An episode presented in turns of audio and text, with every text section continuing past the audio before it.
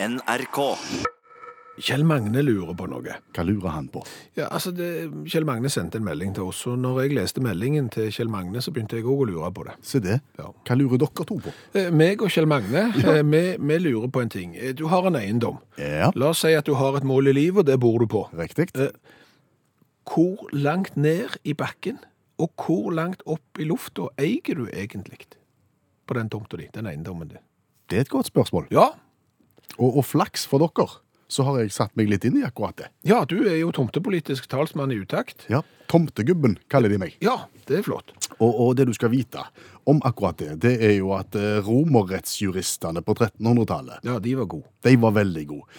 De sa at eh, eieren har sin rett fra senit til avgrunns.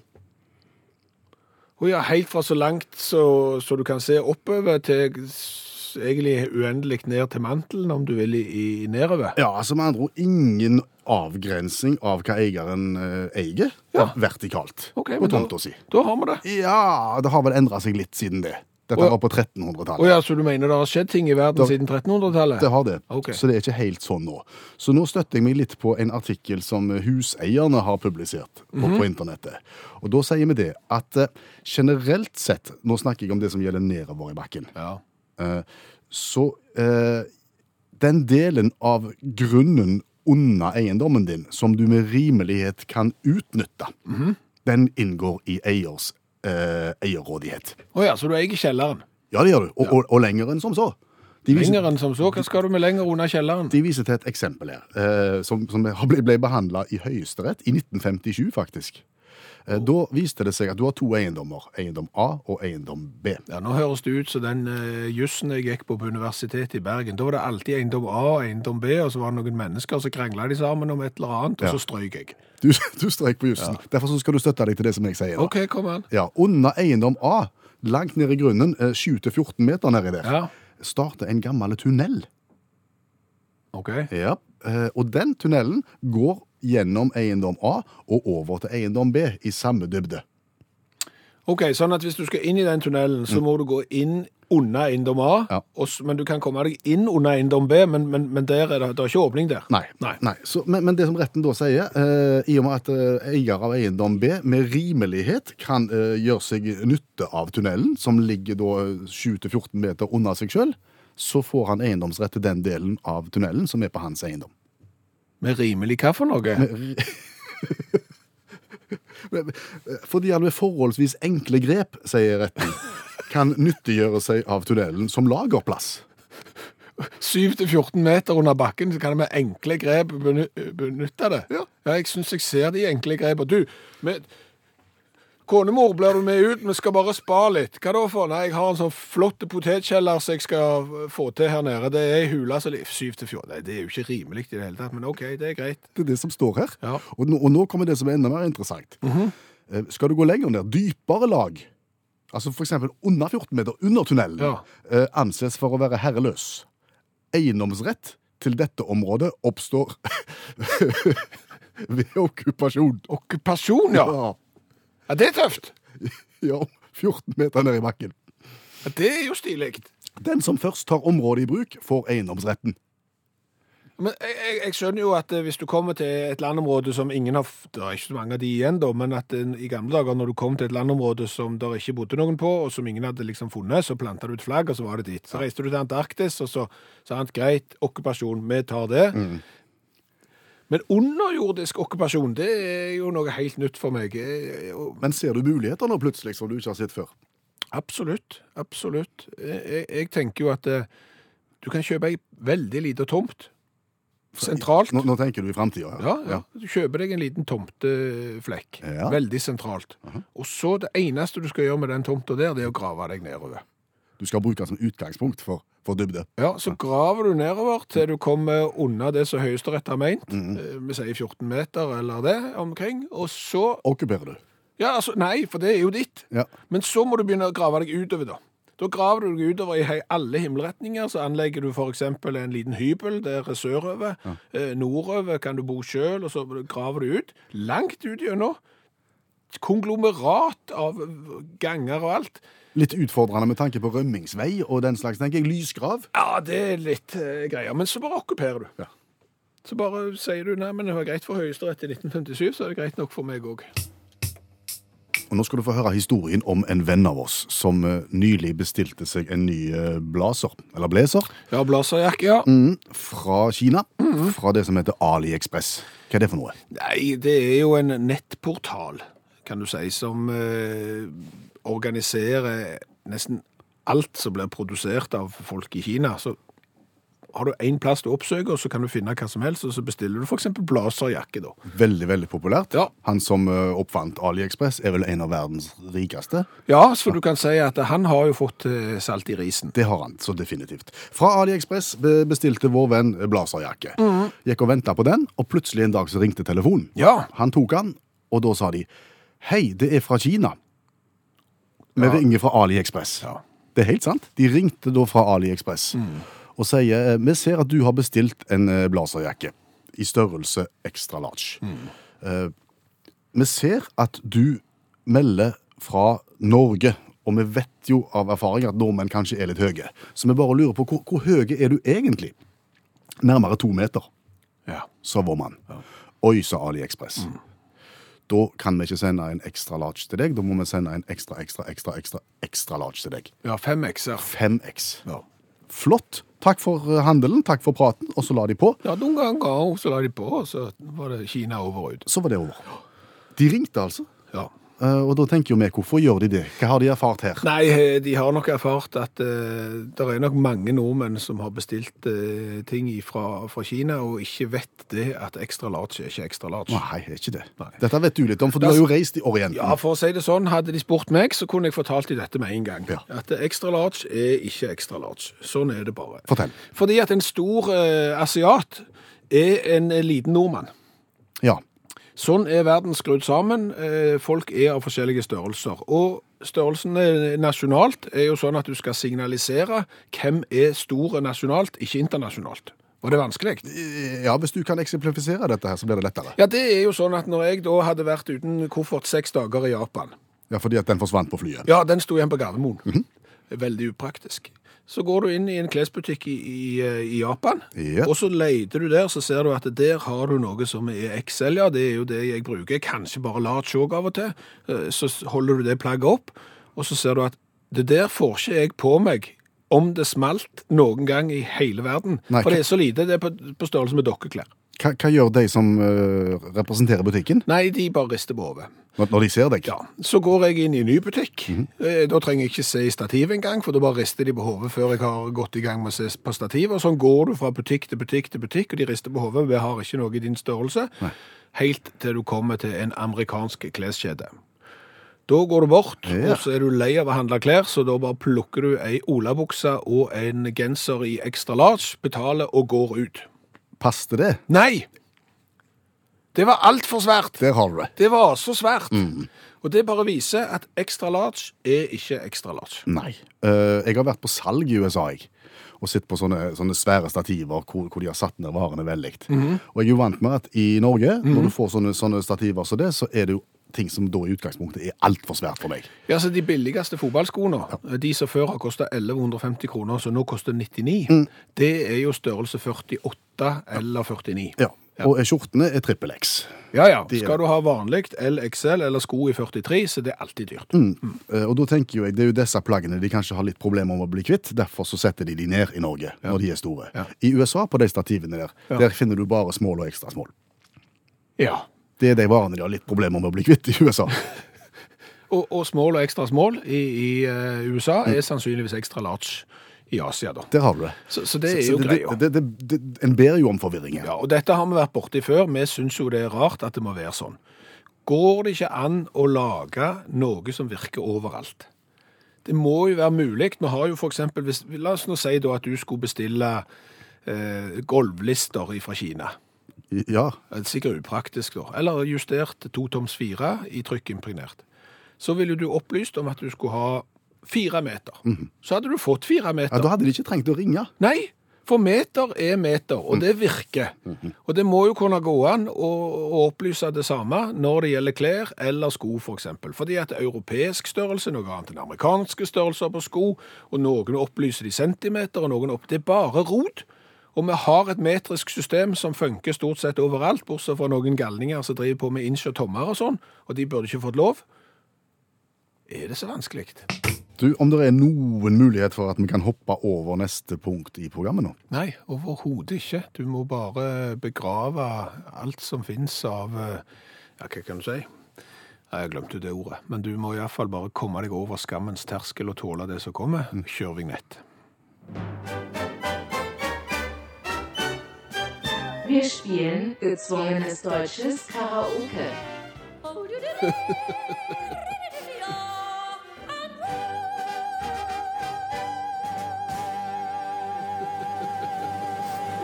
Du sa forrige mandag at du skulle gjøre det veldig veldig vanskelig for meg i dag. Ja, og det har jeg gjort, for jeg har nemlig valgt en sjanger som jeg aldri tidligere har vært innom i tvungen tysk karaoke. Nei, og det er sjangeren Jazz. Akkurat. Så nå skal jeg da synge en sang på tysk eh, innenfor sjanger jazz som jeg aldri har hørt før. Ja, Det er offentlig uthenging av programleder. Ja, men det er jo det som er litt poenget. Dette er en gapestokk mer enn karaoke. Hildegard Kneff har du kanskje ikke hørt om. Aldri. Nei, men hun var veldig kjent i Tyskland. Hun var forfatter, eh, skuespiller og chansonsanger. Aha, det er ikke jeg. Nei, det er ikke du. Eh, Og hun har da gitt ut eh, jazzplater i hauger og lass, og du skal synge Der Mond hatte frei. Det er ei perle. Den er veldig bra. Det- Vet du hva det betyr?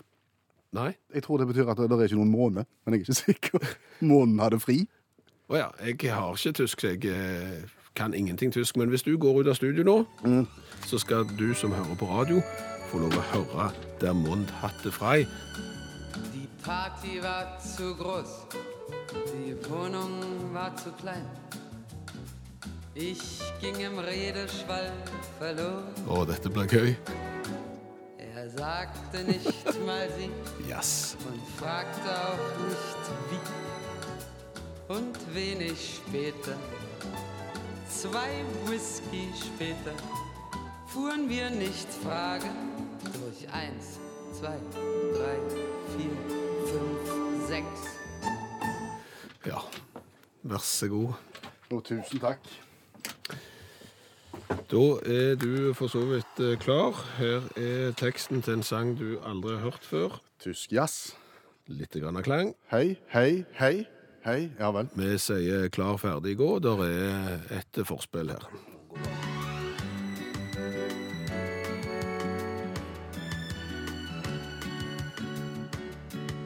Die Party så so De die Wohnung var så klein.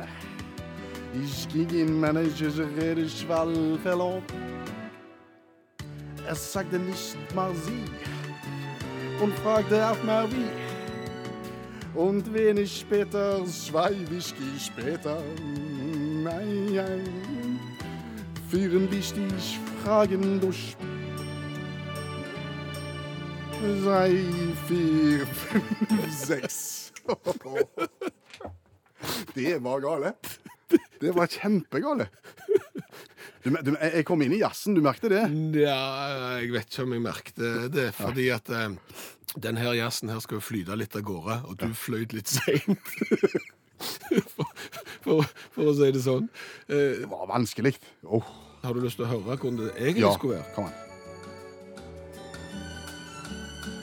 Die Party war zu groß, Å ja. die Wohnung war zu klein. Ich ging im Redeschwall verloren. Jeg, jeg er ikke helt ute her, men så. Er sagte nicht mal sie und fragte auch nicht wie. Und wenig später, zwei Whisky Oh später, also fuhren tellinga wir nå. nicht fragen durch eins, Oh ja. zwei, drei, vier, fünf, seks. Veldig stygge telling. Kom ut av tellingen, rett og slett. Da har vi vel funnet at uh, tysk uh, karaoke, som du aldri har hørt før, spesielt i jazzversjon, det er vanskelig. Det er noe av det absolutt vanskeligste du kan være borti, faktisk. Og det lærte du i spalten som heter Tvungen tysk karaoke.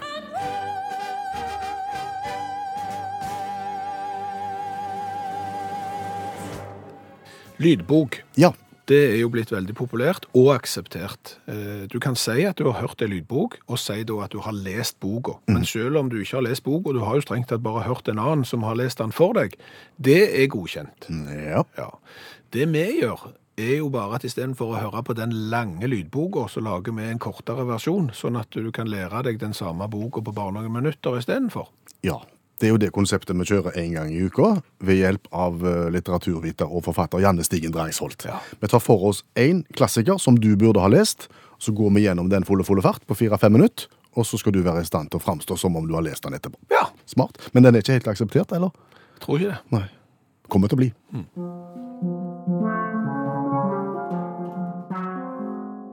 Clothes Music Boys av Viv Albertin fra 2014. Viv Albertin vil spille i band, og gjør det. Ok, det var veldig kort, Ja. men jeg hang jeg opp i 2014. Ja. Dette må jo være tidenes uh, nyeste klassiker. Ja. Her tar vi oss litt friheter og utroper klassikere i øst og vest. Og eh, denne her boka er en rockebiografi. Så vi går jo òg over i en eh, ny sjanger som jo er litt spennende i seg sjøl. Eh, Viv Albertin hun spilte i punkebandet The Slits. Og eh, forteller litt om hvordan det var å være eh, kvinnelig rockemusiker i London på 70-tallet. Det var ikke lett. For da, hun, sånn hun, vokalisten deres hun ble jo knivstukket to ganger fordi folk ble så provoserte av at hun var jentepunkevokalist. Eh, og når de var på turné, så fikk de ikke lov å sitte i frokostsalen sammen med de andre fordi de syntes at de så så rare ut. Hun skriver jo òg mye om liksom alle disse her andre bandene, Sex Pistols og The Clash, og hun var jo venner med, med alle de. Men han er først og fremst veldig gøy fordi han beskriver hvor enormt vanskelig det var for eksempel for ei jente å vite hvordan hun skulle stå når hun spilte gitar på 70-tallet. For det var liksom ingen, ingen å kunne bygge ikke erfaring. Nei, det var ikke det. Men, men, men du sier tittelen 'Clothes, Music, Boys'. Klær, musikk eh, og gutter. Betyr det at eh, skal vi lese denne boka, så må vi gjøre det på engelsk? Ja, fordi jeg tror ikke at denne er oversatt ennå. Eh, men han er ganske lettlest. Hun skriver veldig enkelt og, og greit. Og han er veldig spennende, så jeg tenker at dette er ikke en veldig store bøyg hvis du mestrer engelsk bitte Nei, men altså, hvis du skriver bok som du lager punkemusikk, så kan det jo umulig være vanskelig. Nei. Det er jo to grep og full fart framover. Ja, det er helt riktig. Så at du kan bare ha det bildet i hodet mens du leser. Men du sa hun var venner med de eh, mer berømte eh, mennene i denne perioden her, Mm. altså The Clash, Sex Pistols. Aksepterte de?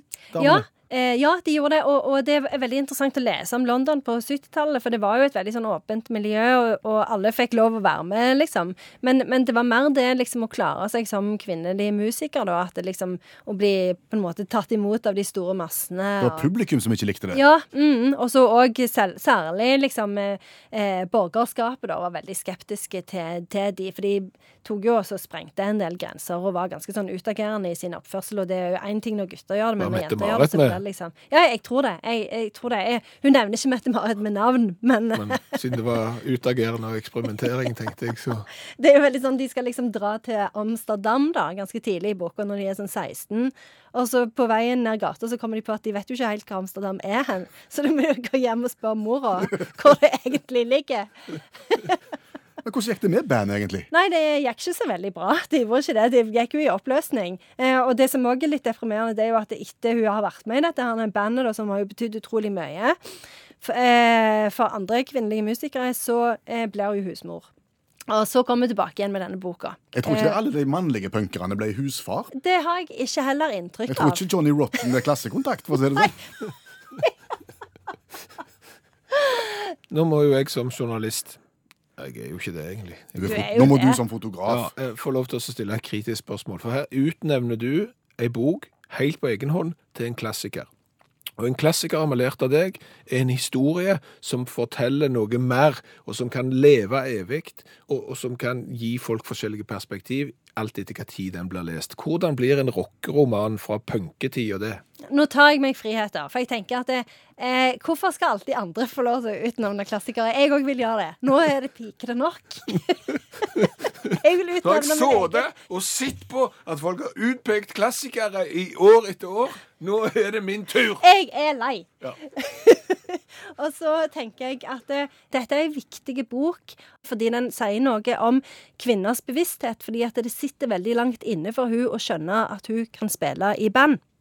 Og så ser vi om han blir en klassiker. Vi kommer tilbake om 70 år, og så tar vi den praten da. Et sitat. Ja, jeg har hatt sitat. Det er første setningen, da. Alle som skriver sjølbiografier, er enten idioter eller blakke. Jeg er litt av begge deler. Herlig, ærlig.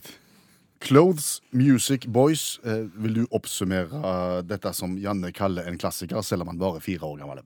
Det er jo et eh, bilde på ei, tid eh, der utdannelsesinstitusjonene i England tydeligvis sleit på det sterkeste. For her er det et jenteband som skal reise til Amsterdam, men som ikke vet hvor Amsterdam er.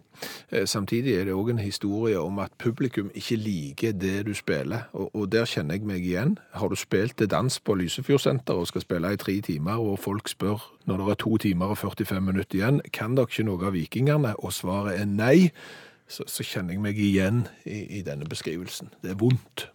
Men vokalisten i bandet ditt, som tilfeldigvis er deg, ble ikke knivstukken. Nei, eh, men han fikk lov å spise så mye reker han ville etterpå, fordi at eh, folk gikk jo før de hadde tømt rekebordet, for å si det sånn. Folk trodde de var på noe helt annet. Dans er så mangt. Ble dette for personlig, eller er dette en OK oppsummering av verket? Nei, jeg syns det var kjempefint, og jeg blir så glad av at Bjørn Olav hele tida kjenner seg igjen i litteraturen. For da tenker jeg bare mission accomplished. Takk, Janne Stigen Drangsholt, forfatter og litteraturviter. Det var komplimentet sitt, det. Ja, det var bra det. Det var boka Clothes Music Boys av Viv, Viv Albertin. Mm. Og hvis du har lyst å høre denne om igjen, eller eventuelt en av alle de andre bøkene vi har vært igjennom, så finner du alle de som podkast. Og søker opp kjente bøker på fire minutter, så finner du hele biblioteket vårt.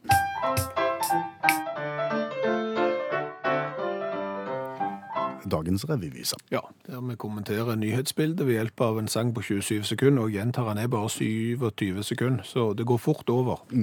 Hadde veldig lyst til å skrive visa i dag om svensken som ble bitt av mamba. Av Mamba, Mamba, Slangemamba. Oh, ja. Grønn eller svart, de, de skal du ikke tulle med. Svart mamba regnes jo som en av de giftigste slangene i verden. Hvordan skjedde dette? Nei, det vet vi jo litt om, men det, men eh, det viser seg at det er egen slange. Så det er en slange mannen har hatt i hus, antageligvis. Å ja, så, så har de kommet på, på De har ikke vært på god fot, for å si det sånn, Nei, det var, med, med hverandre. nei. Så jeg, jeg var inne på den, men så var det riming, da. Så jeg var inne på karamba, Ja. så var jeg inne på la bamba Ja. og, og mamba. Så det, det kunne blitt noe. Ja. Eh, Mamba eller Mambo. Nå klarer ikke jeg å huske hva det var, men det var en sånn en myk karamell når jeg vokste opp. Det er mamba. Det er Mamba. Ok, da er det Mambo som er noe annet. Fordi at det, det var en kompis av meg som gikk bort i butikken og skulle kjøpe Mamba, men sa sikkert Mambo, da. Fikk han noe annet, da? Han fikk preservativ, så han fikk rett og slett kondomer. Og det er ikke så kjekt når du er en gutt på tolv år Nei, som det- var på jakt etter karameller. Er Helt sant. da har vi lært det. Jeg vurderte også å skrive aviser om eh, geiter, som da har sosial intelligens. Har de det? Eh, Mer enn en hadde trodd. Ok. En har forska på det. Geiter er nå i stand til å se forskjell på om mennesker er i godt humør, eller om de er sinte. Ja. Før så trodde en kanskje at dette var kjæledyr som er veldig vant med å, å, å være i, i, i kompaniskap med, med mennesker. At det var kun de som klarte å skille. Men nå viser det seg at et større spekter av dyr også er i stand til å se om et menneske er vennlig og spilende innstilt, eller eh, guffen. ja. Men, men du sier geit. Jeg sier geit. Ja, st- staves. G-e-i-t. Ja. Geit. ja. Du sier jo Geir, staves.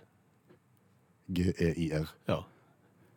Skulle vi egentlig sagt geir, så lenge vi sier geit, Ja. tenker du? Ja. Men nå det spurte du av Nå igjen. spurte vi av igjen. Det, var ikke, det ble ikke sang om det. Det ble sang om, eh, om, om, om, om eh, juletreaggresjon i USA. Det ble det. Fordi at eh, eh, kjøpesenterkjeden Tesco Ja, de er store. de er store, de smalt opp et gedigent blinkende juletre i slutten av august. Nå.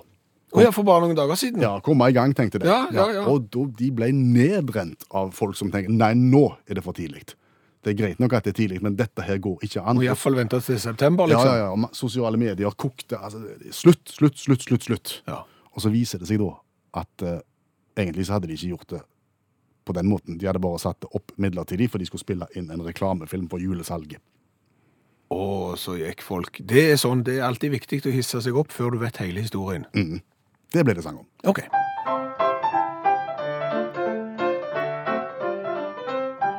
Og du grønne og glitrende tre, ja se på det, har det tørna for folkene i Tesco. For med jul i august før det ennå har blitt høst, ja det må jo være tidenes fiasko. Og dette firmaet det burde nå fått juling, for verdens aller verste helligdagsuthuling. Men den siste ler best, det var ei juletrefest, men reklamestunt så slutt med all surmuling. Hva har vi lært i dag? Vi har lært det at eh, Asia ikke tror at vi i Norge er XL. Asia har, tror ikke at vi i Norge er XL. Ja, det var en overdrivelse. Men det var rett og slett sånn at en eh, kamerat av oss fikk en telefon fra Kina. Du har bestilt eh, blazerjakke hos oss. Eh, den har du bestilt i størrelse XL. Er du sikker på at du er XL? Hvor høy er du egentlig? Og når han da sa at han var nærmere to meter, så sa Asia oi, da må du ha fem XL. Det fikser vi. Ja, og det er fordi at en stor nordmann er en gigantisk asiat. Eh, En stor asiat er en knøttliten nordmann osv. XL er ikke universelt. Nei, en stor nordmann er en snau amerikaner. Ja, ja, det, så- sånn kan du fortsette. Ja. Eh, Erling har opplevd dette òg innad i Norge, at Excel ikke er Excel. Eh, Han har kjøpt fem ganger Excel hos en eh, skandinavisk eh, butikk, og oppdaget at selv det var for lite når han normalt bruker to XL. Så, så du skal være, kan vi ikke bare bruke et mål som virker? Og der, når jeg eh, brakte det resonnementet på banen, kan vi ikke bruke centimeter eller meter eller noe sånt, mm. som jo alltid eh, er universelt, så møter jeg meg selv i døra, og mye av det vi har lært i dag handler jo om at vi har ikke greie på hva vi snakker om. Vi møter oss sjøl i døra igjen og igjen. i- igjen og igjen. For det at når jeg sa kan vi ikke bare gjøre det, hvis du skulle bestille tre meter med to-fir Ja. i Kina, så hadde du fått tre meter med to-fir. Så sier jo David da til oss at to-fir er jo 2 toms 4 toms, og dermed så er du jo tilbake på det der målsystemet som du vil ha vekk. Så jeg burde jo heller sagt det er en sånn justert 2856 eller Ja. noe sånt, jeg er ikke sikker. Så der fikk vi den. Mm, eller har vi møtt oss sjøl i døra flere ganger? Ja, Asbjørn har påpekt at vi møter oss sjøl i døra enda en gang i dag. Det er jo når vi kaller tysk musikk for jazz. Mm. Eh, Så er det først og fremst bossa nova. Akkurat. Ja, du sang tvungen tysk karaoke på en sang, eh, som jeg sa dette er jazz. Ja. Og så er det bossa nova. Men Asbjørn eh, han hjelper deg jo litt på vei og sier at det er den desidert vanskeligste av alle rytmer. Det er bossa novaen. Jeg kjente på det Da. Ja, men bare, bare hør.